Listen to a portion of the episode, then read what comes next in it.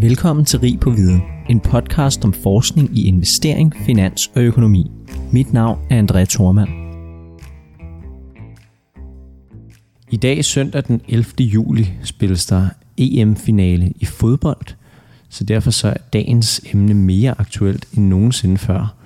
Vi skal tale om sportsøkonomi i dag, vi skal tale om data og hvordan økonomer kan bruge deres kompetencer til at analysere sportsdata og finde ud af, hvem er gode og dårlige sportsudøvere, hvad er gode og dårlige hold osv. Vi har igen fornøjelsen af at byde øh, velkommen til Lars Christensen, som ikke nok med at være økonom øh, og sindssygt god til renter, også ved sindssygt meget om sport og er en fanatiker inden for især basketball og elsker at grave ned i det her data, så velkommen til. Mange tak. Nu kender vi dig jo efterhånden godt, øh, Lars, øh, og du er også meget i medierne, vi har introduceret dig før, så jeg vil egentlig starte med lige at høre, om du kan fortælle, om hvor din interesse for sportsøkonomi kommer fra. For du er økonom af uddannelse, men I har jo ikke just pensum i sport på polit. Nej, og så alligevel. Jeg, øh, jeg startede på politstudiet i, øh, i 1990, og... Øh, og i mikroøkonomi, der havde vi en, øh, en bog øh, skrevet af James Quirk. Øh, og øh, den lærebog havde flere referencer til øh, sport. Øh, og der opdagede jeg, at der er et eller andet der. Øh, vi, der er noget med sport øh, og økonomi, og økonomi som fag kan forstå sport, og sport kan give os nogle indsigter i økonomi. Og jeg vil sige, at det var nok det, jeg sådan første gang begyndte at stifte, stifte kendskab med det. Og hvis, hvis nu det her det havde været en tv-udsendelse, så kunne man se, at jeg har taget en, en bog med her, som faktisk er udgivet i 1990 også, altså året jeg startede på at læse polit, som hedder Sportometrics, som nok er den første økonomiske lærebog, hvor man ligesom siger, okay, det her med økonomi og sport, hvad kan, hvordan kan vi se det her? Den er skrevet af er blandt andet af Robert Tollison, øh, og øh, han er mest kendt som værende beskæftiget med det, vi kalder public choice-teori. Altså, hvordan vi kan benytte de økonomiske metoder, primært det, vi kalder rational choice-teorien, til at forstå ikke markedshandlinger. Altså, hvordan agerer politikere? Hvordan agerer øh, øh, embedsmænd? Hvordan agerer vi i familien? Og hvordan agerer sportsfolk? Øh, kan vi med de metoder, vi bruger, øh, inden for økonomi, øh, normalt til at forstå investorers adfærd, kan vi så også forstå, hvad en basketballspiller gør på banen. Og, og, og det kan man sige, det, øh, jeg, jeg er lidt fristet til at lige læse, læse lidt op, hvis jeg gerne må her fra, fra bogen. Endelig, endelig, det er. Øh, I introduktionen på allerførste side, der står, Rather than the economics of sports, we introduce the idea of sports as economics as an expression of rational human action subject to relative constraints. In other words, the economic paradigm of rational economic man can be applied to explain the activities of participants in sporting events. Altså, det som Tollesons og han medforfatteres udgangspunkt i, i, i, i Sportometrics-bogen er, det er at prøve at forklare, hvad sportsfolk må forventes at gøre, hvis de agerer rationelt. Og rationelt i økonomisk teori er ikke nødvendigvis det samme, som almindelige mennesker opfatter som rationelt. Rationelt er det, vi kalder formålstjenligt. Jeg har en forventning om, at fremtiden, hvis jeg gør A, i stedet for at gøre B. Øh, hvis jeg er basketballspiller, så kan jeg skyde et... Der er en 3 pointslinje for dem, der kender basketball. Jeg kan skyde på den ene side af den, så får jeg to point, og på den anden side, så sker jeg tre point. Det er mere sandsynligt at scorer tættere på kurven, end længere fra kurven, så det er altså scoringssandsynligheden er højere, når jeg skyder 2%, eller 2 pointer end 3 pointer. Det er et valg, jeg skal træffe. Kan vi ved at observere de valg, lære noget om, om individer agerer, som den økonomiske teori vil tilsige. Øh, og det var virkelig også der, min interesse startede. At sige, men okay, det her er egentlig ret spændende. Og jeg vil sige, jeg har, jeg har altid været optaget af at vi kalder det økonomisk imperialisme. Altså, øh, øh, den, den økonomiske teori, det anvender vi på andre områder end de rent pengemæssige. Og det kunne jo også være, altså Nobelpristageren i økonomi, Gary Becker beskæftigede sig jo blandt andet med kriminalitet og med familien. Kan vi, kan vi, øh, kan vi overveje, hvad det betyder at sætte, straffen for indbrud op. Hvad betyder det for mange indbrud, der er? Øh, det er incitamenter, og det er sandsynlighedsregning og alt muligt andet. Det er fuldstændig det samme, som vi vil have over investeringsteorien. Øh, og det er det samme på, på, øh, på, på, på, på fodboldbanen, eller basketballbanen, eller håndboldbanen. Vi har jo fået en, det meget forhatte var øh, sætte op i fodbold. Øh, jeg er heller ikke nogen stor fan, men var ændrer jo netop noget ved nogle incitamenter, fordi hvad hvis der nu bliver begået et straffe, eller ikke bliver begået et straffe? Vil det så blive fanget, eller ikke fanget? Øh, og, og, og hvad, det påvirker dommerens incitamenter, det påvirker spillernes incitamenter, og vi har jo tit regelændringer inden for sportsgren.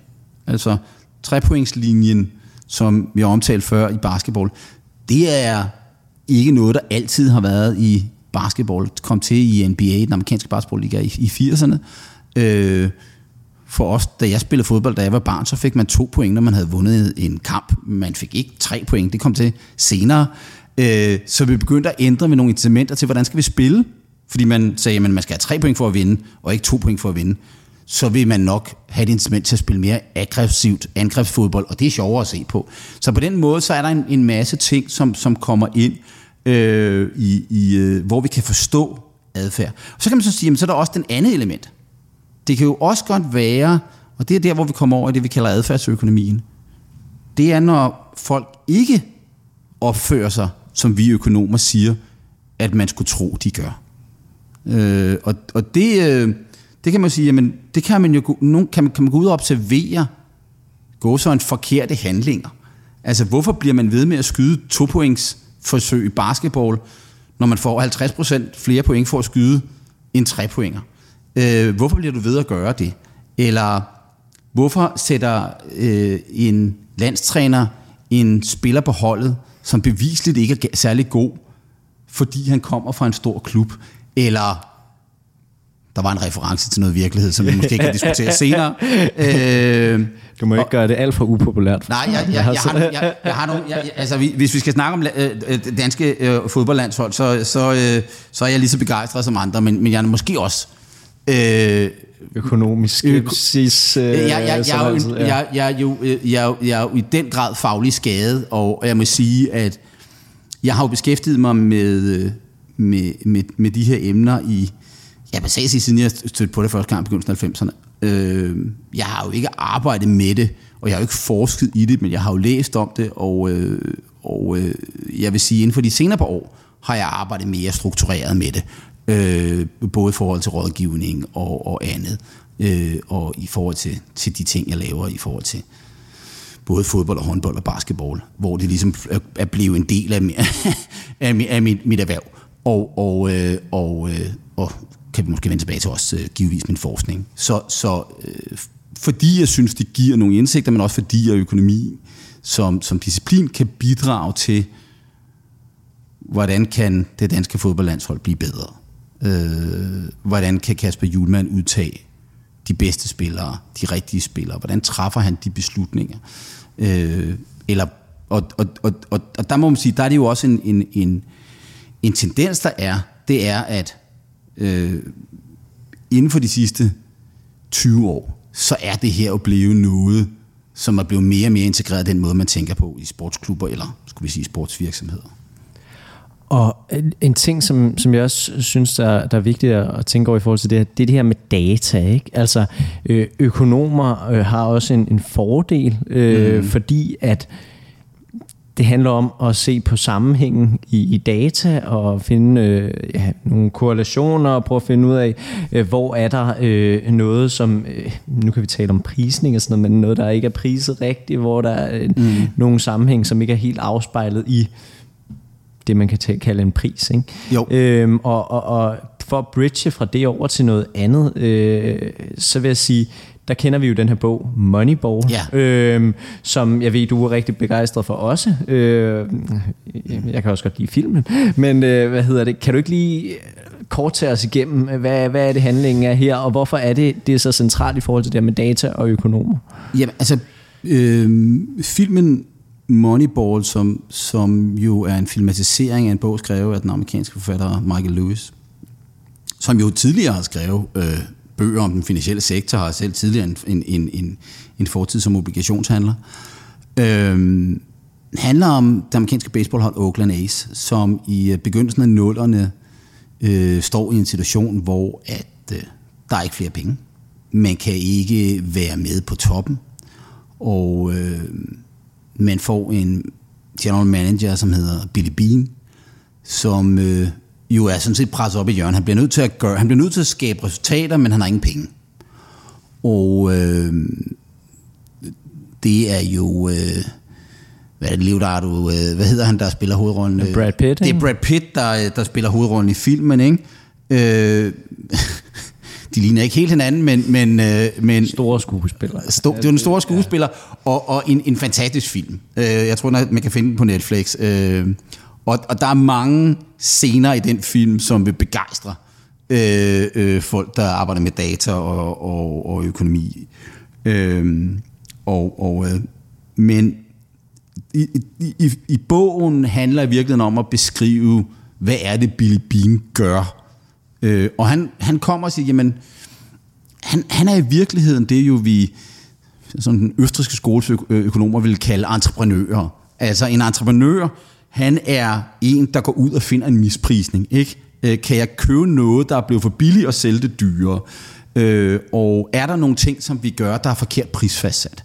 Og, øh, og entreprenørerne, det er jo dem, der i virkeligheden eksisterer i markederne for at skabe ligevægt.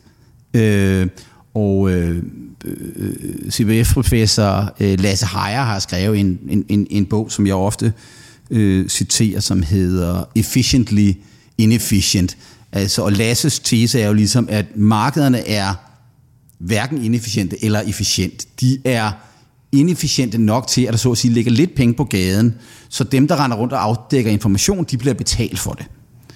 Øh, og så bliver markedet så på den måde efficient. Hvis du er i en situation, hvor vi starter med, at der er inefficient, så er der nogen, der er den her entreprenør, der går ud og finder inefficienserne. Og det er Billy Bean. Billy Bean finder ud af, godt hjulpet af en Harvard-økonom, øh, der hedder Paul Popedesta.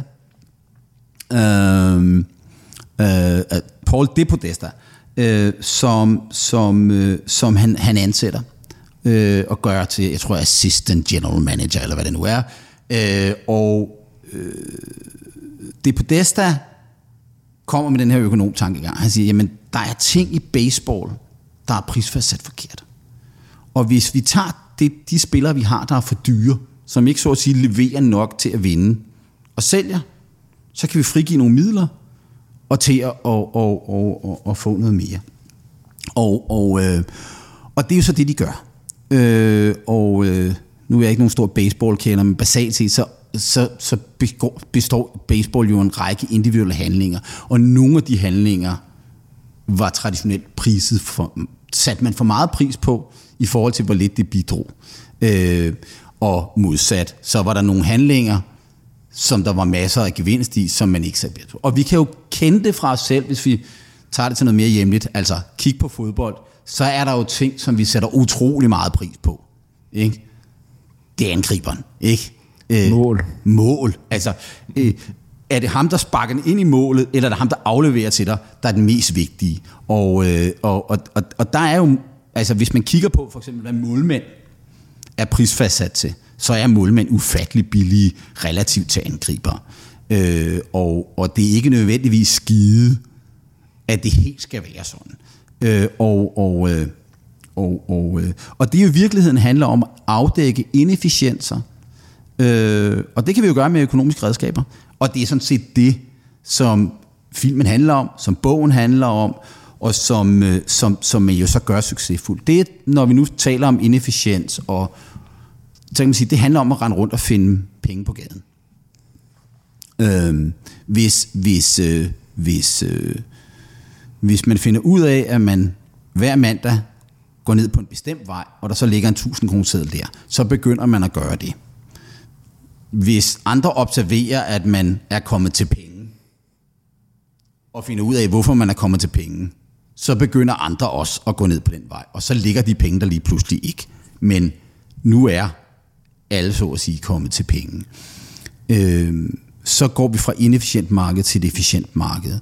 Og hvis vi kigger på Oakland A's, hvad der sker, så rent konkret, så bliver øh, Paul øh, øh, øh, øh Depodesta, han bliver rent faktisk jo så Shanghai fra Oakland A's, øh, og, øh, og ryger til Boston Red Sox, øh, som jo er den store, traditionelle... Nu er han penge værd, ikke? Nu Det skal prises ind. ikke? Han, Ja. han forstår et eller andet. Og sjovt nok, i løbet af en-to sæsoner, så var de der inefficienser væk. Når man går ned og studerer data, så kan man se, at vi gør det der. Og derfor, ofte når vi taler finansielle markeder, nogle gange taler vi om forskellige opfattelser af det her. Ikke? Altså, øh, øh, for, for nogle år siden, der fik øh, Eugene Pharma og Schiller begge to Nobelprisen. Schiller mener, at markederne er inefficiente, og der er alle mulige in- inefficient adfærd, og Schiller siger, nej, øh, Pharma. Pharma. Pharma siger, markederne er efficiente, der ligger ikke penge på gaden. Og så kan man sige, jamen, det, det virker som to fu- fuldstændig vidt forskellige. Og jeg har altid haft det sådan, at nej, de kan begge to godt være rigtige. Det er amerikansk baseball før og efter Billy Bean og Paul DePodesta. Altså, hvem, når, når vi opdager det, og der kan man sige, at i det finansielle marked er det jo blevet sådan, at de er helt gennemsigtige. Altså, hvis du tager, øh, nu optaget, så vi, vi sidder her på, på, på Frederiksberg, ikke ret langt fra, fra øh, Peter Bangsvej og KB og FCK, og hvis man tager derud øh, til, til, til FCK, og så spørger i FCK, øh, hvad synes I om en tilfældig norsk øh, eller finsk øh, 16- eller 17-årig spiller, som har spillet i 3. division i Finland eller i Norge, så er jeg ret sikker på, at de godt ved, hvem det er. Og hvis vi tager ud på Vestegnen i Brøndby og siger, kender I ham der? Så vil de sige det der. Det vil sige, at de, de er allerede i gang med at lede efter 25 øre. Øh, og det er ikke nogen særlig dyr ting, fordi man kan jo bare sidde og så at sige scrape internettet for alle 17-årige, der spiller i nogle ligaer på et tilpas højt niveau, og så popper de op, nu har han fået 5 minutter. Okay, skulle vi tage og kigge på ham? Og det er jo informationsafdækning, og det er der, hvor teknologi har ændret den her informationsafdækning. I gamle dage, der kunne der godt gå en, et fodboldstalent rundt i lang tid. Og man hørte for 20 år siden, eller for 30 år siden, historier om, ham at han spillede i Danmarksserien, eller i Serie 3, og lige pludselig spillede han i den bedste række. Øh, det sker sjovt nok aldrig mere. Og det er, fordi vi er gået fra noget, der var meget inefficient, til noget, der er mindre inefficient, og måske tæt på efficient. Lige for at bridge det over til, hvad vi også kender fra det finansielle marked, så er det jo ikke anderledes, end at en, en eller anden aktieanalytiker sidder hele tiden og, og ved, uh, hvad er den nye risici i Novo Nordisk, eller er den nye mulighed, og hvordan går det med salget af det her produkt, osv. osv. Ikke? Jo. Samme måde fodboldklubber, som hele tiden ved, okay, hvad der er ude i markedet, fordi de potentielt set kan købe det, træne det op, sælge det dyre. Ja, og, og, den, og den proces, og det kan sige, det er jo det, der er sket, hvor at Moneyball-bogen er så øh, øh, definerende, fordi den populariserer i den bredere globale kultur og sportsverden og forståelsen af sport, jo begrebet om, at vi skal agere, som om vi var aktieanalytikere og aktieinvestorer, når vi er ledere af sportsvirksomheder. Og, og, og øh, vi skal have mest ud for pengene, vi skal have flest mulige sejre for det budget, vi har. Og, og, øh, og, og, og, og det kan man sige, jamen det starter, det starter det, og der, så er der, det kan man sige, øh, da det først starter, og der kan man sige, jamen teknologien gør det, øh, gør det muligt at afdække endnu flere muligheder. Øh, internationale kapitalbevægelser gør det her muligt. Vi har jo haft en diskussion i Europa nu om, om, øh, om fodboldklubber og om Champions League, og om, at der var nogle europæiske topklubber, der ønskede at lave den her såkaldte Super League. Og, øh, og øh, jeg skrev en, en, en klumme i Berlingske om Super League, som jeg ikke tror, der er mange fodboldelskere ville synes var, var særlig fin. Fordi ikke at jeg sagde, at Super League, det var sagen, men jeg sagde det nok alligevel ved at sige, det er i hvert fald uundgåeligt. Og, og jeg synes jo, en af de tendenser, vi har i europæisk fodbold, det er, at hvis vi, sådan, vi kigger i, i sådan historisk i de sidste 30, måske 40 år, så går vi fra at have lokale ligaer med lokale foreningsejerskab. Øh, og de primære indtægter for fodboldklubberne kommer fra tilskuere. Og øh, der er en høj element af inefficienser. Øh, og og øh, det her, det er klubber, som overlever ved, at den lokale øh, øh, virksomhedsejer, han smider nogle penge i klubben. Øh, altså en, Casey Jesper. Ja, det, det er et rigtig godt eksempel. Jeg var, jeg var lige ved at sige, at vi kan jo tage til, vi kan tage til Aarhus, ikke? AGF og en klub, der igen og igen bliver reddet og kuglesejlet. AGF har i høj grad fået ændret ved det i de senere år. Øh, ved at ikke at være i den verden. Men så begynder vi jo i 90'erne at få sådan, vi, vi får de kinesiske, de russiske, de arabiske eller mellemøstlige ejere af Premier League, ikke? Og, og, og, og, og der må man så sige, jamen, der kan man så sige, jamen, bliver markederne så mere efficiente der? Og der må man sige, det, det sker nok ikke, fordi de her øh, investorer, de er i virkeligheden ret inefficiente. Øh, øh, øh, de kommer bare og siger, jamen vi skal have det bedste hold, fordi vores, vi har u, så vi skal bare have alle topangriberne, og Abramovic øh, i Chelsea kommer bare, ikke han er den første sådan rigtige, og siger, jeg skriver bare en check. Øh, mine lommer er uendelig dybe. Øh, det tilfører ikke nogen inefficiens, eller nogen efficiens. Øh, og det er jo i virkeligheden først med indtog af de amerikanske investorer, at vi i europæisk fodbold, at der er nogen, der siger, hov, nu kræver vi noget for de her penge. Nu kræver vi et afkast på vores investeringer. Jeg kan sige, øh, øh, nævnte jeg Boston Red Sox før, øh, øh, Fenway Group, som, som ejer Red Sox, ejer også Liverpool FC. Øh, min britiske favoritklub. Øh, og, ikke, og den er ikke blevet mindre af det ejerskab, vil jeg sige. Det var nok andre, der ville synes. Men, men, men, men det er et ejerskab, hvor man siger, hov, nu skal vi have noget for pengene. Øh, og, og det kan man jo i virkeligheden sige, jamen ideen om en Super League handler om, at nu skal vi lave et league setup, et, et, et, et, et, et setup i, i turneringen, som giver et økonomisk afkast, som gør fodboldklubber rentable. Det er amerikanske basketballklubber, de er rentable. Øh, I hvert fald dem, der er med. Og du er de jo ikke klubber, det er amerikansk, på, på amerikansk engelsk bliver det kaldt franchises, ikke? det er virksomheder. Det er brands. Det er, det er brands, ja. og de er øvrigt alle sammen organiseret i NBA, som så at sige ejer hele strukturen. Øh, og man maksimerer hele ligaens afkast. Øh, og, og, øh, øh, altså, og, og, og det gør man jo ikke som... Og, og, og det kan man sige, der er ofte noget med nogle incitamenter, og hvad er det, hvad er det der gør det? Og, og det er de der, for mig at se, så er det den der bevægelse fra det inefficiente til det efficiente. Der er nogle investorer, primært nu amerikanske, der observerer, at europæisk fodbold er økonomisk set inefficient organiseret. Men, Mm, og det kan vi gøre noget ved, men det kræver en hel række ting i forhold til ligastruktur og alt muligt andet, som bestemt ikke er populære. Altså hvis man tager en gennemsnitlig britisk tilskuer, fodboldfan, så vil de jo virkelig helst have en arabisk, mellemøstlig diktator til at sende nogle penge, så man kan bedste spillere. En masse penge uden stor krævet afkast. Ikke? Ja, ja. Ikke? I skal bare købe de bedste spillere, så vi altid vinder. øh, det er jo så det, der er det må så sige, at, at, at det er jo... Og det har der jo været eksempler på. Det er der masser af eksempler på, og, og, og vi ser jo i øvrigt ligaer, i, særligt i, i, i Central- og Østeuropa, som er blevet fuldstændig ødelagt. Øh, altså, vi har jo... Øh, Øh, øh, øh, altså et godt eksempel på en, en, en liga, som er, er ret bizarre, er, er, er, øh, er, er ligaen i Moldova. Og øh, Moldovas naboland, eller måske del af Moldova, er Transnistria, som er sådan en mærkelig, ikke eksisterende land, som i sig selv er måske øh, øh, en podcast værd, men ikke om økonomi. Men Transnistria er egentlig en del af det. Og der er FC Sheriff, som er det store hold i Transnistria, spiller i Moldovas liga. Og, og øh, det er altså en lokal øh, oligark, som ejer det her hold. Og de vinder altså Moldovas liga igen og igen og igen.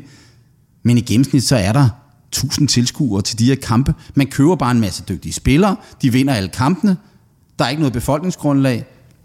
Så har det ingen værdi. Og hvorfor har det ingen værdi? Det er fordi, at det vi vil have i sport som tilskuer, det er spænding om udfaldet. Jeg skrev for nogle år siden en, øh, en, en klumme i, i børsen, som hed FCK skal tabe noget mere. Øh, jeg tror, jeg skrev den i, i 2017. Jeg ved, at den skabte begejstring i FCK's ledelse. Øh, og ejerskab, ejerkreds. og man skulle næsten tro, at FCK havde lyttet, for siden da er det gået ned ad bakke for FCKs resultater relativt til de andre. Men hvis vi kigger fra, vi havde jo en lang periode der, op til 2017, hvor FCK i stigende grad fik blev dominerende i dansk fodbold. Og vi ser samtidig med, at der er en vigende tilskuerinteresse. Fordi der er ikke noget ved at gå ind og se FCK vinde 3-0 hver eneste gang. Selv hvis man er glødende FCK-tilskuerfan, som jeg er. Øh, fordi det er der er ikke noget ved. Man vil godt have spænding om udfaldet. Og det er jo det, vi så har i, i, i, i, i de amerikanske sportsgrene. Der opererer man jo ikke med op- og nedrykning, for eksempel. Og man har det, vi kalder salary caps. Der er begrænsninger på, hvor mange penge hver klub må bruge på spillere. Okay. Og man har omfordeling, så man har, vi kalder revenue sharing, så de klubber, der tjener mange penge, de sender penge til de klubber, der tjener, tjener færre penge. Så har vi et draftsystem, som som basalt set går ud på, at når man skal købe nye spillere, så, så er alle spillere i ligaen, de er til rådighed. Og alle klubber køber, så at sige, på samme tidspunkt. Og det er et førstevælgersystem. Hvem får lov at vælge først? Det er dem, der har klaret sig dårligst i den foregående sæson. Det er sådan en overordnet idé i draftsystemet. Det betyder, at klubberne har, har ikke har så gode spillere, de får tilgang af bedre spillere. Øh, og det system er, har vi i alle de amerikanske sportsgrene i mere eller mindre grad. Og det skal vi sige perfektioneret i, i NBA, altså den amerikanske basketballliga. Og det betyder jo bare, der er ikke en klub, et franchise, der dominerer amerikansk basketball år efter år efter år. Det er næsten altid nye, der kommer til. Øh, og, og, øh, og, og det er jo fordi i virkeligheden, at alle holdene er lige stærke. Og det maksimerer altså den her spænding. Det er det, vi inden for sportsøkonomi kalder competitive balance.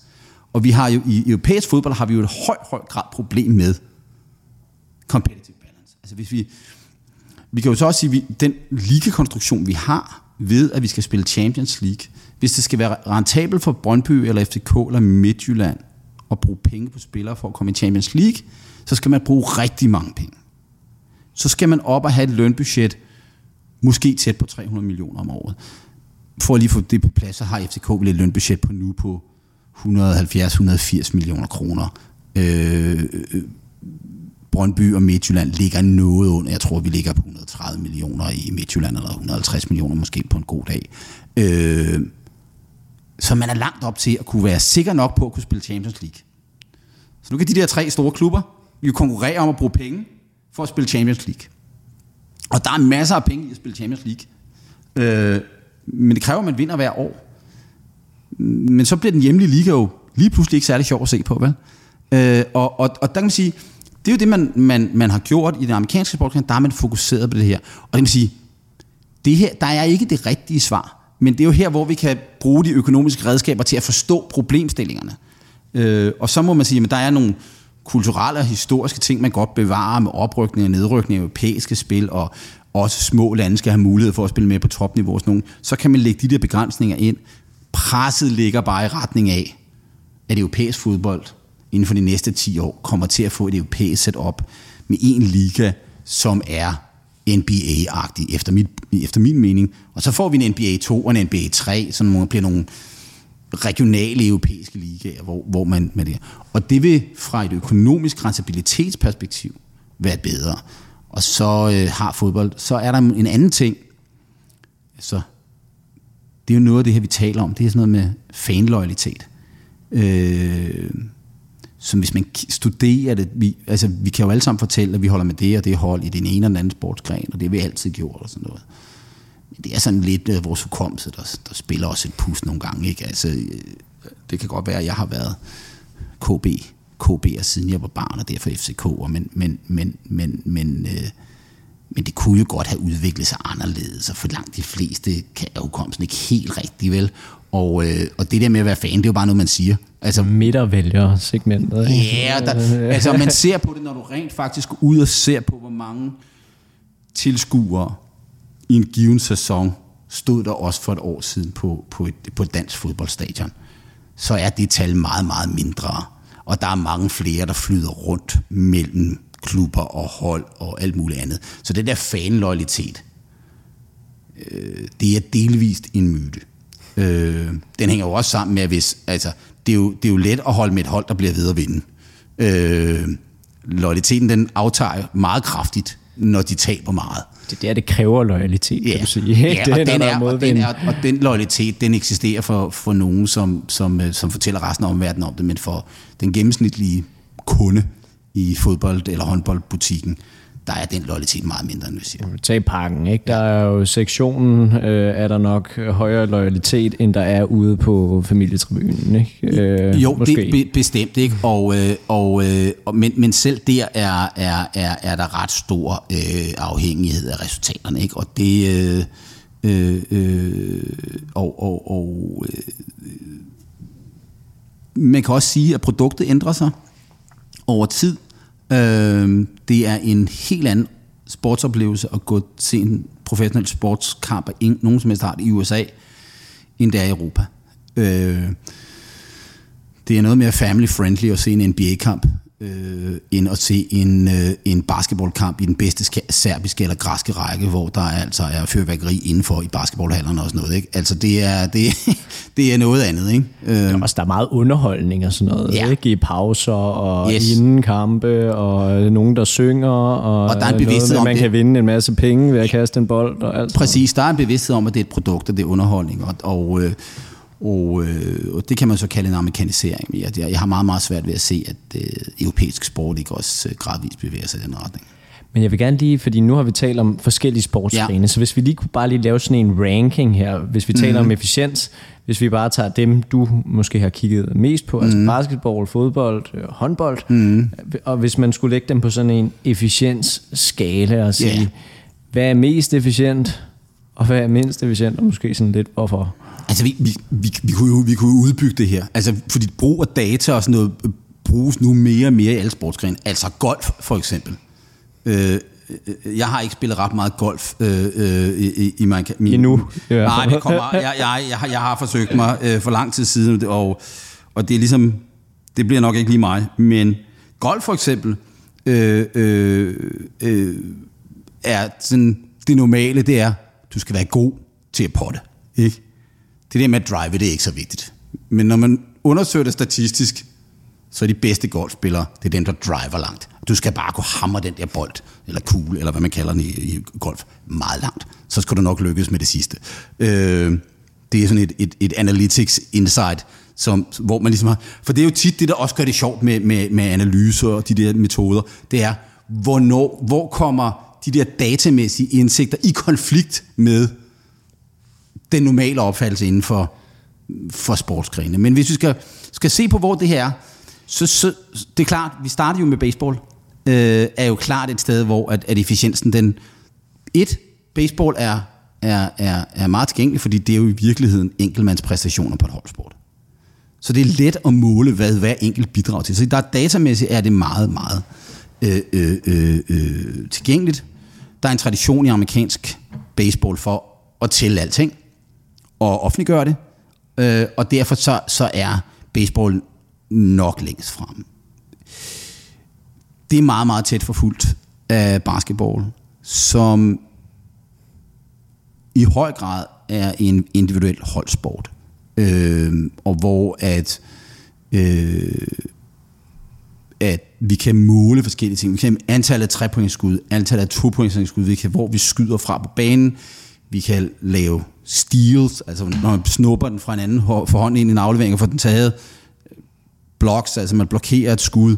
Øh, alle mulige ting kan vi måle på, nede på den enkelte spiller, og vi kan, vi kan, vi kan, øh, øh, vi kan måle scoringsprocenter, når du skyder, hvor ofte rammer du så fra forskellige steder af.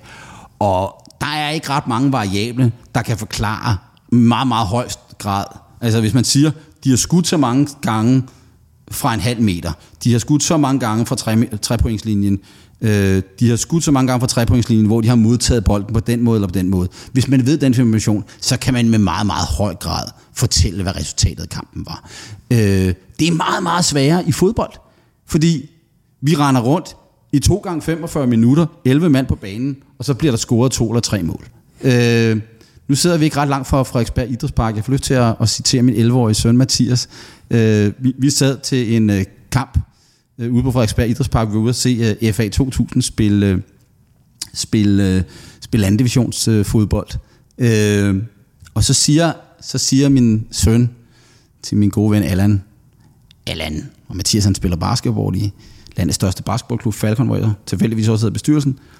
Så siger han til Allan, min kammerat, altså Allan, øh, det her fodbold, det er jo sådan set ret kedeligt. Nu er der spillet 7 minutter, og den står 0-0. I basketball vil der være scoret 11 point nu.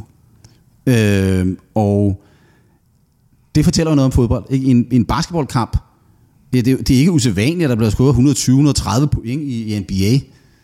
Øh, og at vi kan måle, hvad enkelt spiller gør. Der er fem spillere på hver hold på banen samtidig. Så det er relativt let at... I fodbold bliver der scoret, lad os sige, 1-3 mål normalt. Ofte 0-0. 1-1. Og der er 22 spillere på banen. Og det er målet, vi tæller. Men så, så hvad betyder en defensiv midtbanespillers berøring med bolden 30 berøringer før, at bolden ligger i nettet. Det er svært at måle. Men man kan godt. Mm. Det kan vi måske diskutere, hvordan man kan måle fodboldspillere. Så er vi helt over i, i, i, i, i sådan en, en dansk sport, ikke? Vi har selv opfundet det. Øh, vi er meget stolte af det. Vi ja, vinder. Vi vinder til Vi vinder. Det er en fordel, når man selv har opfundet det. Øh, det skulle vi så gøre, at Kanadien var bedste basketball. Det er de jo så bekendt ikke. Men, men, øh, øh, men håndbold, øh, er jo en sport i virkeligheden, der minder om basketball. Altså, det er relativt simpelt. Øh, og når jeg kigger på håndbolddata, og det har jeg gjort øh, en, en del over det, over det seneste år, øh, det er det, det skjulte, skal jeg sige. Så når vi på håndbolddata, og vi analyserer håndbold, som på samme måde, som, vi, som man griber analyse af basketballresultater ud i, i, i NBA, så får vi i virkeligheden nogle ret store indsigter. Men hvis man taler med danske håndboldtrænere om det, så er det meget, meget, meget langt fra det, man vil tænke. Og der kan man sige, at det en, handler om kultur, det handler lidt om det der, om, om, om ved vi det godt? Har vi fået det afdækket, det her?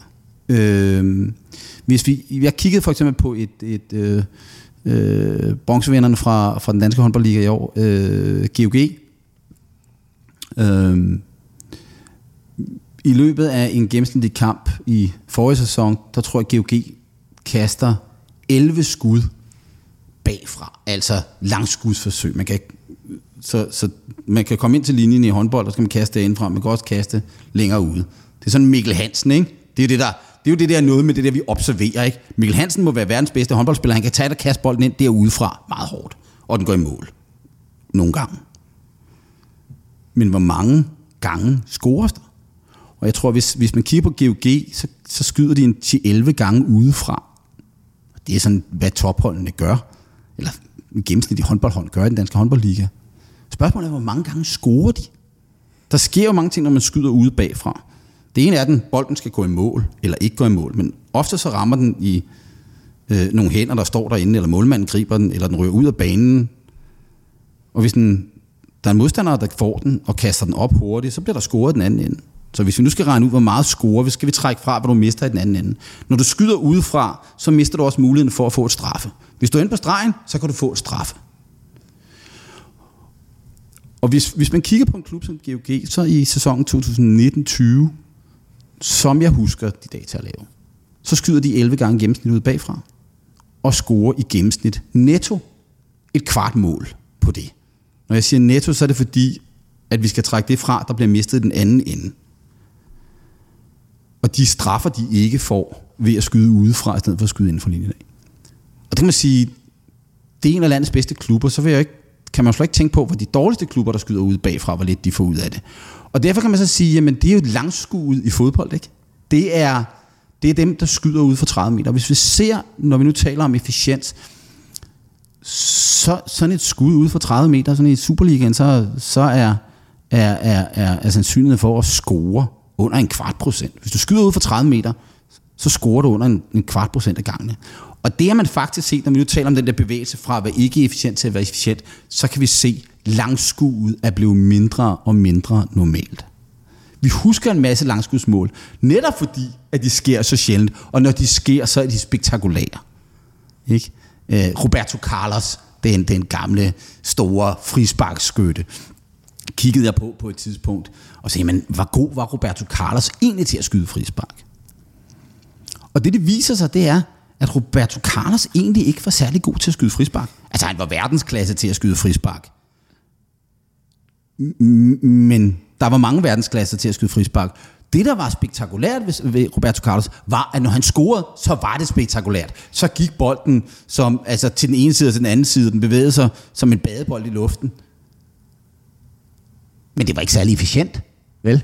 Og, og, og, og der kan man sige, jamen, der kan man sige, jamen, hvis du som fodboldklub ejer, så vil du godt have nogen, der også er spektakulære. Altså, du vil godt have de der mål, og du vil godt have den der spænding, og du vil godt have de der oplevelser. Så det kan godt være, der er en konflikt mellem at vinde på banen, og at produktet er godt at se på. Men det, der tæller, det er spændingen, og det er sejrene.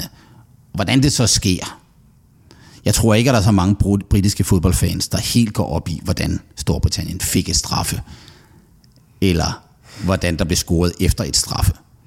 Øh, og og øh, det er der lige pludselig en masse danskere, som går op i, men det ville de ikke have gjort, hvis det havde været den anden ende af banen. Så det er resultatet, øh, der tæller, og, og, og det kan vi så se, den der bevægelse væk fra de der langskud, som er gået så en inefficiente. Fordi du kunne også bare sparke den ud over sidelinjen, fordi du vil ikke få meget med det, men så kunne du mindst have tid til at få forsvaret hjem. Øh, og og, øh, og den, den bevægelse er i gang. Øh, men jeg tror, at det er en hastig bevægelse. Vi kan jo se, hvis man går ned og ser, hvis man ser en, øh, en, en dansk Superliga-klub, så render de alle sammen rundt med pulsmåler på. De render rundt med GPS på. Øh, der er ikke en Superliga-klub, der ikke tracker deres spillers generelle sundhed, men nogen er begyndt at tracke endda spillernes søvn, hvor meget deres kostindtag, alt sammen bliver registreret. Og vi har talentudvikling i danske store fodboldklubber fra nærmest helt små børn, i hvert fald for en 12-13 af over op efter for de store danske fodboldklubber, hvor man jo også registrerer alting som jeg nævnte før, så de store fodboldklubber ved godt, hvad for nogle talenter, der er på vej forskellige steder, fordi alting bliver registreret. Vi er stadig et stykke fra at gøre det efficient, og vi er stadig et stykke fra at gøre det i alle danske store klubber. Og vi er også et sted langt fra at gøre det på europæisk plan, men vi bevæger os i den retning. Så, så, så fodbold bevæger sig ret hurtigt i retning af, hvor basketball i USA er. Øh, vi er langt fra at være der endnu. Og det kan man jo, man kan jo bare sige, jamen, hvor mange folk har et gennemsnitligt NBA-hold relativt til et, øh, et Champions League-hold, til at sidde og se på data, til at sidde og bruge data, teknologi, analyse. Og der må man bare sige, der er man stadig meget, meget langt bagefter europæisk fodbold.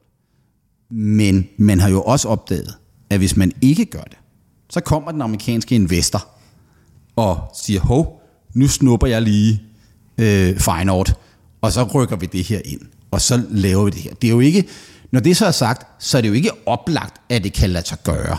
Øh, at man bare går ind og siger, nu kommer en amerikansk ejer, så gør vi det helt rationelt, og så fungerer det.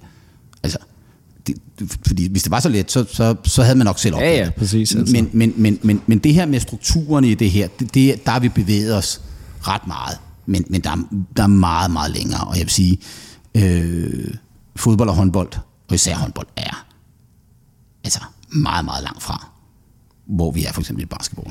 Ja, og der er det jo vigtigt at sige, altså det handler jo også om monetære interesser her, ikke? Altså jo. det er jo klart, at fodbold er væsentligt større sport, der er mange flere penge i det, øh, derfor vil incitamentet til at øge efficiensen også være ja, langt altså, højere end mindre sport som håndbold, ikke? Jo, jo, og det kan vi jo sige, jamen altså, vi tager nu øh, de tre, basket, eller tre øh, øh sportsgrene, vi nævner her, basketball, håndbold og fodbold, ikke? Så, så, øh, så har vi jo et, øh, så er der i den danske herre- og dame håndboldliga, eller basketballliga, stort set ingen penge. Øh, vi, vi har, vi har øh, basalt set kun et hold, som har et egentligt budget af nogen størrelse i Danmark, det er Bakken i Aarhus. I håndboldligaen har vi noget større budgetter, men selv for de allerstørste håndboldklubber, så kan vi kun lige komme op og kysse, hvad budgetterne er i de danske fodbold Superliga-klubber, øh, nede i bunden. Ikke? Så, så, så, så, så øh, klubber som, som, som Silkeborg har jo et budget, som kan konkurrere med, hvad de har i øh, Aalborg håndbold. Ikke? Og, og, og, så, så, og, og det betyder så, at der er en hel række andre ting, der skal opfyldes først, før man begynder at bruge penge på det her. Men når det så er sagt, så når man, når man begynder at fokusere på det her, så frigiver det, altså det her, hvis, hvis man bare sidder i den der Abramovic-situation, og der bare er uendelig mange penge, så er der ingen grund til at kigge på det. Men, men, men hvis man gerne vil være med på et niveau, som er højere end det pengepunkt tilsiger, så bliver det meget mere vigtigt at bruge penge på fornuftig måde. Ja, ja, det frigiver midler, og det er jo det, der er optionen for ja. den lille øh, klub, øh, kan ja. man sige. Ikke? Altså, det, det, det er jo det, der skal muliggøre, at man kan rykke op øh, øh, ja, det er jo det, sted, vi, hvor... Det er, jo, det er jo det, vi ser i, i, i, i, i, i ens fodbold med, med Brentford, som rykker op i Premier League i år, er jo et udbredt eksempel på, at man har taget sådan en moneyball-tilgang til det i, i, i meget, meget høj grad, Øh, I øvrigt i høj grad med, med, med, med en dansk indflydelse både på trænersiden og på, på, øh, på ledelsessiden. Øh, og, og, øh, og har været succesfuld med det. Og, og, øh, og, og, og, og, og det viser jo, at selv et professional game som det, som det engelske fodbold, altså øh, øh, jo stadig, at der, der er noget, der indikerer, at der er nogle inefficienser, som man kunne få noget ud af. Og, og, og derfor så, øh, så, så, øh, så er det et, et spørgsmål om tid før, det breder sig i meget, meget kraft. Altså, når der først er nogen, der opdager, når sådan her skal vi gøre det, så er det sådan, man gør det. Øh. Og nu har vi allerede her og talt os, os øh, rigtig godt varme i alle mulige andre ting, men, men vi skal lige nå øh, bare to ting mere, øh, inden, inden vi er færdige. Og den ene ting, det er, fordi når man taler om efficiens, så er der jo til dels, hvad koster spillere og sådan noget. Er der nogle spillere, der er for billige? Er der nogen, der er for dyre? Og så videre, mm. ikke? Men en anden ting, vi jo også har øh, rigtig meget, især på, på fodboldmarkedet, det er jo de her bettingmarkeder, yeah. øh, som jo også spiller ind i, i efficiens. Så nu bliver det lidt uspecifikt spørgsmål, men, men kan du sige noget om sådan, hvordan er efficiensen på bettingmarkeder, og kan man... Øh, Ligger der penge på gaden? Præcis. Øh. Altså alle os, der har spillet på en fodboldkamp, har jo været helt overbevist om, at, øh, at vi vidste, hvad resultatet, hvad resultatet blev. Øh, og, og har tabt penge på det. Øh, og, øh, og det kan jo indikere, at markedet er efficient. Øh, at, øh, eller ikke er efficient. At der er nogle investorer, øh, der i virkeligheden betaler for, at der er nogle andre, der skal kunne, kunne tjene penge. Jo, vi kender jo fra, fra diskussionen, at hvis markedet er efficient, så betyder det ikke, at der ikke er nogen, der ikke øh, kan tjene penge på det. Hvis der er nogen, der helt konsekvent taber penge, så må der være nogen, der konsekvent vinder penge, hvis markedet skal være efficient. Og jeg vil sige, det er nok det, der er tilfældet i, øh, i, øh, i, i, inden for sportsbetting. Det er, at hvis vi ser på tværs af bettingmarkederne, så et er de jo internationale. Øh, to, der er konkurrence mellem forskellige virksomheder, der udbyder betting. Så der er en tendens til, at oddsene i hvert fald ikke bliver så ufordelagtige, at man ikke har lyst til at spille på det. Fordi så kan man bare se det andet sted. Øh, danske spils dominans på det her område er jo, er jo, er jo, er jo vigende, men, men dog utrolig, utrolig stor i Danmark, til trods for alt muligt andet. Øh, men, men, men, men, men ikke de bedste årsætter. Det er jo ikke det, det mest øh, lukrative sted at spille. Så hvis, så hvis siger, okay, nu vil jeg tjene penge på det her, så er det jo ikke sikkert, at man gør det der. Der kan der være alle mulige andre grunde til, at man gør det, men øh, så, så der er et konkurrenceelement, som er blevet mere og mere udbredt. Men der er jo også det her element af biases. Ikke? Altså man er jo landsforræder, hvis man havde spillet på, at England skulle slå Danmark. Øh, man skulle i hvert fald ikke sige det højt. Øh, jeg, jeg, jeg, jeg, kender, jeg kender dog fodboldfans, som konsekvent spiller mod deres egen hold, fordi... Så kan de kun blive glade. Ja, så kan de kun blive glade. øh, øh, men, men det er også en inefficient måde at spille på. Så det, der er klart, der er en hel masse... Øh, betting er forbrug snarere end investering. Øh, og, og det er altså måske afspejlet i det. Men, men, men, men jeg vil sige, jeg tror, det gælder for bettingmarkedet, som det gælder for finansielle markeder generelt. At de er roughly efficient, hvis jeg skulle sige det på den måde. Der ligger ikke en masse penge på gaden. Øh, når der kommer nogen og fortæller dig, at de har lige luret det her, så skal du bare ignorere dem. Øh, og øh, men, men når vi tester det mere formelt, så kan vi godt i visse markeder under visse forudsætninger finde inefficienser. Og, øh, og, og, og øh, nogle af de inefficienser, vi finder, det er sådan noget, sådan home bias ting, ikke? at danskere spiller på, at Danmark skal vinde. Ikke? Men givet at bettingmarkederne internationalt, så spiller der englænderne på det modsatte. Øh, så, så hvor meget dominerer de markederne her? Hvis det var sådan, at bettingmarkederne var massivt inefficiente, så havde vi nok set at pensionskasser begyndt at interessere sig for at gå ind i det her marked, og hedging, hedgefonde og andet. Og det er der, har der været en, en, en, et vist element af. Vi har fonde, som aktivt er fonde, investeringsfonde, som er i bettingmarkederne. Øh, Nå, har vi det? Ja, øh, og, og, øh, og, og øh, det er også sådan, jeg vil sige, at jeg har været involveret i at prøve at lave modeller til at forekaste outcome, hvor man kan lave modeller på fodbold eller på basketball, hvor man kan sige, mm, det ser sgu ud som om, at de slår bettingmarkedet. Men slår de dem nok til, at man kan lave en rigtig business ud af det? Kan man, og, og, og hvad sker der lige så snart, man begynder at handle det? Kollapser det så? Og, og, og, det, og det, det er jo virkelig at gå tilbage til Lars, Lars Hayes uh, øh, uh, øh, efficiently inefficient, ikke? Uh, uh, og, og uh, det tror jeg, det er der bettingmarkederne, det bettingmarkederne er. Jeg synes, et, et meget, sådan en meget simpelt test af, hvor, hvor er, er der sådan vilde biases det er øh, at se på, hvad der sker med, et betting, med, med odds, odds i løbet af en halvleg i en fodboldkamp. Fordi det må være sådan, at når første halvleg bliver fløjtet af, til anden highlight starter, og der ikke kommer noget information ud fra omklædningsrummet om, hvem der går ud og hvem der kommer ind, og om der er nogen, der er blevet skadet, så er der ingen information i det kvarter, at pausen varer. Så skal odds, hvis markedet er efficient, ikke ændre sig.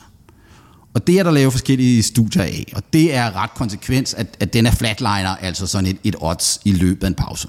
Det kan også godt være, at der er oddsmaker, der bare lukker den øh, øh, muligheden i, i løbet af en pause. Men normalt, så sidder man jo som fodboldfan. Nu har vi lige set første halvleg på fjernsynet, og vi er oppe og kører, og holdet fører, eller bagud, eller et eller andet, og nu sker der noget. Så skulle man jo i virkeligheden tro, hvis fansene var meget sådan emotionelle drevne, at vi vil se oddsene bevæge sig vildt i løbet af en pause. Og det ser vi altså ikke. Det kan vi ikke observere. Så der, der, der indikerer altså noget om, at det er jo et, et tegn på en betydelig grad af efficiens. Øh, så, så, så jeg synes i virkeligheden, at bettingmarkederne fortæller os det samme, som er vel det, som jeg mener om de finansielle markeder generelt. At der er meget, meget høj grad efficient. Der ligger ikke åbenlyse penge på gaden, men nede i hjørnerne kan vi observere inefficienser. Og de kan måske, hvis man er fokuseret nok på det, gøre sådan, at man kan tjene penge på det, fordi der er en hel række suckers, som altid spiller på, at Brøndby vinder. Øh, nu er der måske nogen, der gjorde det i 18 år, så fik det stor stort. Øh, men, men, men de ikke at de ikke tjene, de kommer ikke til at tjene penge på det. Men der eksisterer jo folk. Altså vi kan jo observere mennesker, som har levet, jeg kender mennesker, som har levet af at bette på fodboldkampe. I lang tid og har haft det som eneste indkomst. Øh, så et eller andet kan de, eller så var de bare skide heldige, men, men, men, men der er nogle, nogle andre på den anden side af det bed. Så når vi taler efficiens og inefficiens, så er det jo sådan, at markedet som sådan er efficient. Ikke om hver enkelt af os er rationel.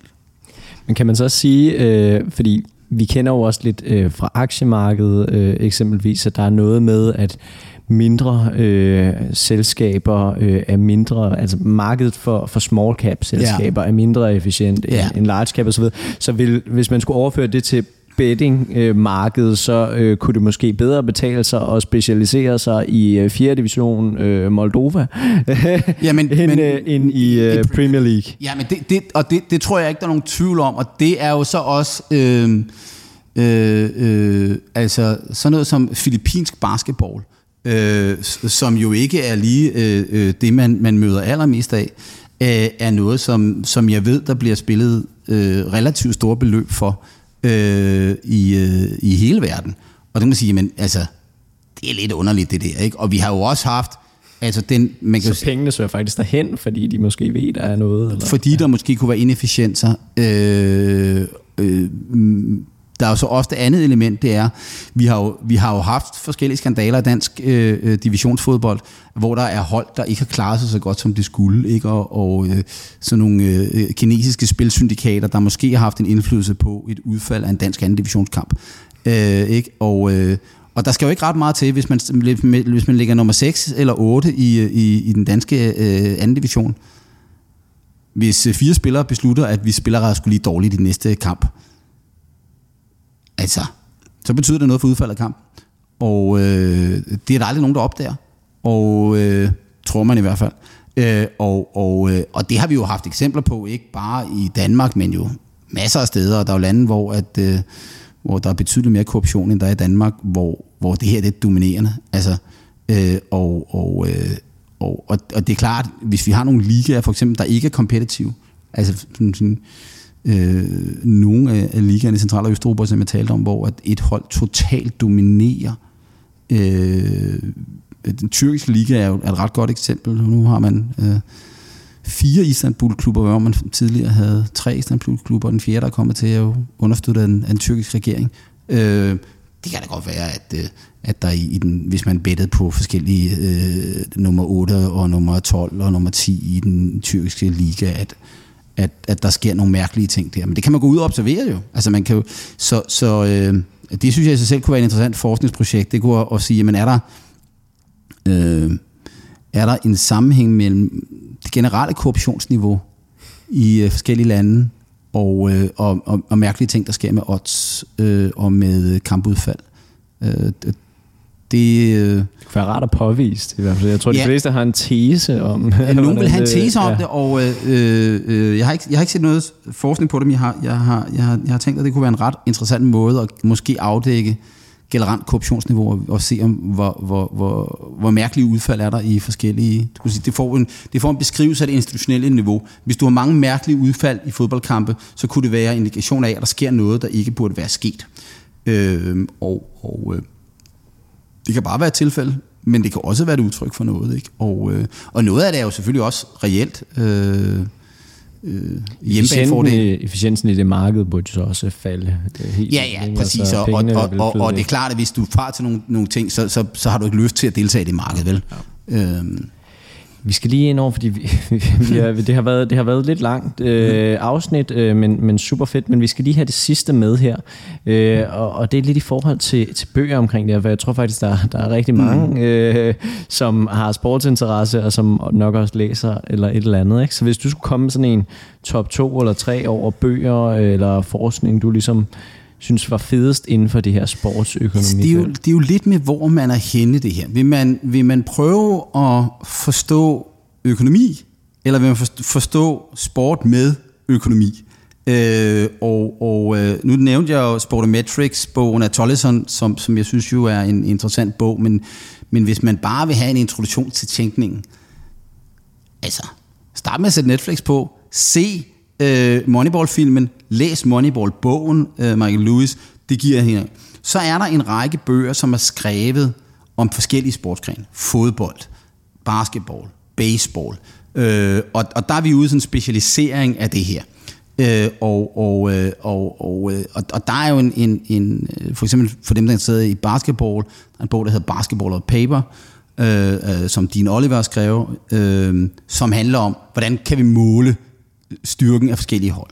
Øh, en, en anden bog hedder The Football Code, som handler om såkaldt expected goal measure, altså hvordan måler vi, i stedet for at måle, hvor mange mål der bliver scoret, så måler vi, hvor mange mål burde der være scoret, givet den måde, vi har spillet på, hvor mange gange vi har skudt. Det kalder man expected goal. Uh, så uh, the, the, the, the Football Code handler om fuldstændig om det. Uh, en, en ekstrem let læst og god bog, Øh, og, øh, og så har vi jo, øh, øh, jo fået en dansk bog om emnet også, øh, som hedder Hvor svært kan det være, så vidt jeg husker, som Dan Hammer øh, blandt andet har forfattet. Øh, så øh, der er en ret stor litteratur på det her. Øh, men det handler, som sige, det handler jo rigtig, rigtig meget om, vi vil, vi vil lære noget om adfærdsøkonomi, så er der et element. Og så er der selvfølgelig en mængde af working papers og andet. Der er en række begreber, som vi kan tale om. Øh, det vi kalder hot hand fallacy. Øh, der er kommet en bog sidste år i 2020, der hedder Hot Hand. Øh, hot Hand Fallacy handler om, det har du blandt andet skrevet meget om, momentum. Ikke? Altså, i, vi har jo, når vi er inden for investeringsverdenen, så er vi over i det, vi kalder øh, faktainvestering. Hvad er det for nogle faktorer, der gør, at afkastet på et givet aktiv udvikler sig på en bestemt måde. Og kunne den historiske performance sige noget om fremtiden. Altså hvis en aktie steg i går, skal den så også stige i dag. Det er momentum investment. Momentum eksisterer i hovederne på alle, der beskæftiger sig med sport. Når man ser en fodboldkamp, og kommentatorerne sidder inden kamp og taler om det, så sidder de og fortæller hinanden om, hvordan har de spillet de sidste to kampe. Hvis man måler det, så betyder det momentum meget, meget lidt. Øh, det er den sådan fundamentale råstyrke, der betyder noget. Jeg, jeg, jeg, jeg vil personligt tendere til at sige, at momentum betyder mere i de finansielle markeder, og mindre i sportsverdenen. Og opfattelsen i de to markeder er nok lige den modsatte, ikke? Altså, at den der med momentum, den, er, den, den slipper du ikke bare afsted med på et trading flow i København og sige, det, det, det skal vi gå ud fra.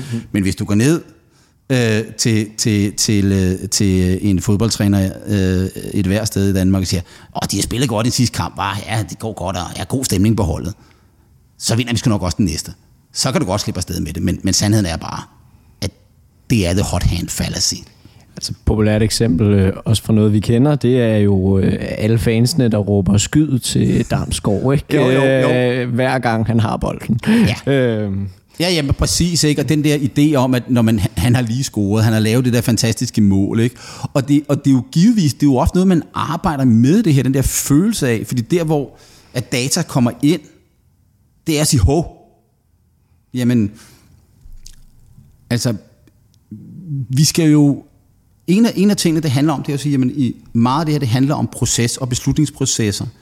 Fordi det kan godt være, at man i en fodboldklub begynder at kigge på data, men hvis dem, der træffer beslutningerne i forhold til spillestil og spillerrekruttering, er ligeglade med data, så kan man sidde og lave alt analysen, og så har man ikke nogen kobling. Øh, det, det, det svarer til, at en pensionskasse har nogle økonomer til at sidde og lave nogle modeller for de forskellige markeder, og så har en investeringskomité, der ikke kigger på de data. Og, og der tror jeg måske, det er lige præcis der, vi er lige nu, i de, for eksempel i Superligaen. De store danske klubber er begyndt at få mere og mere data. Det er ikke rykket helt ind i hovederne på trænerne på sportscheferne, på rekrutteringen, på talentarbejdet endnu, men det kommer. Øh, og, og, øh, øh, men det er netop data, som vi bruger til at fjerne de der, alle de der biases, vi alle sammen går rundt med.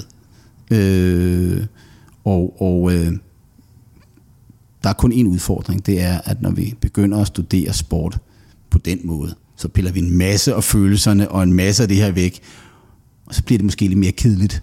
Øh, og personligt så slås jeg med det, øh, fordi jeg elsker sport.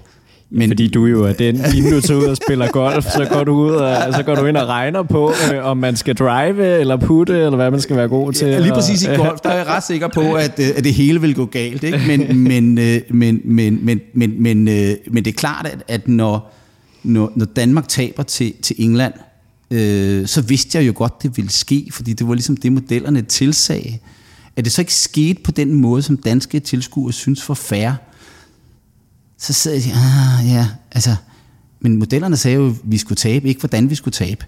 Og, og, øh, og, og så, så forsvinder det der selvfølgelig. Ikke? Og, og, øh, og det er jo ikke meningen. Men altså, for dem, der skal træffe beslutningerne, skal det være sådan. Ikke? Det skal jo ikke være sådan, at hvis man øh, sidder i bestyrelsen for en øh, Superliga-klub, så behøver man ikke at komme til kampen, den klub spiller. Øh, og man skal i hvert fald ikke deltage i den, man skal ikke sidde og blive sur over, at nu tabte den klub, som man sidder i bestyrelsen for. Man skal, tra- man skal overveje, som bestyrelsesmedlem i den klub, træf træneren og staben omkring holdet de rigtige beslutninger. Øh, spillede man på den måde, eksekverede man på den måde, levede man op til sine KPIs, hvis man skulle blive sådan rigtig der. Prøv lige at præsentere det for en dansk fodboldtræner. Sige, hvad er dine KPIs? Hvad er, det, hvad, er det, du skal, hvad er det, du skal opfylde? Hvor mange gange skal du skyde på mål? Hvor mange, øh, hvor mange øh, succesfulde afleveringer skal din midtbanespiller lave? Så videre, og så videre, og så videre. Til basketballspilleren. Hvor mange trepointsforsøg havde du i løbet af kamp? Til håndboldspilleren, hvorfor skød du udenfor så mange gange? Øh, og så siger han, jamen vi vandt. Jamen det er lige meget, fordi det er tilfældet, der spiller ind. Fortæl mig, om du har vundet, når sæsonen er færdig, når vi har spillet fem sæsoner.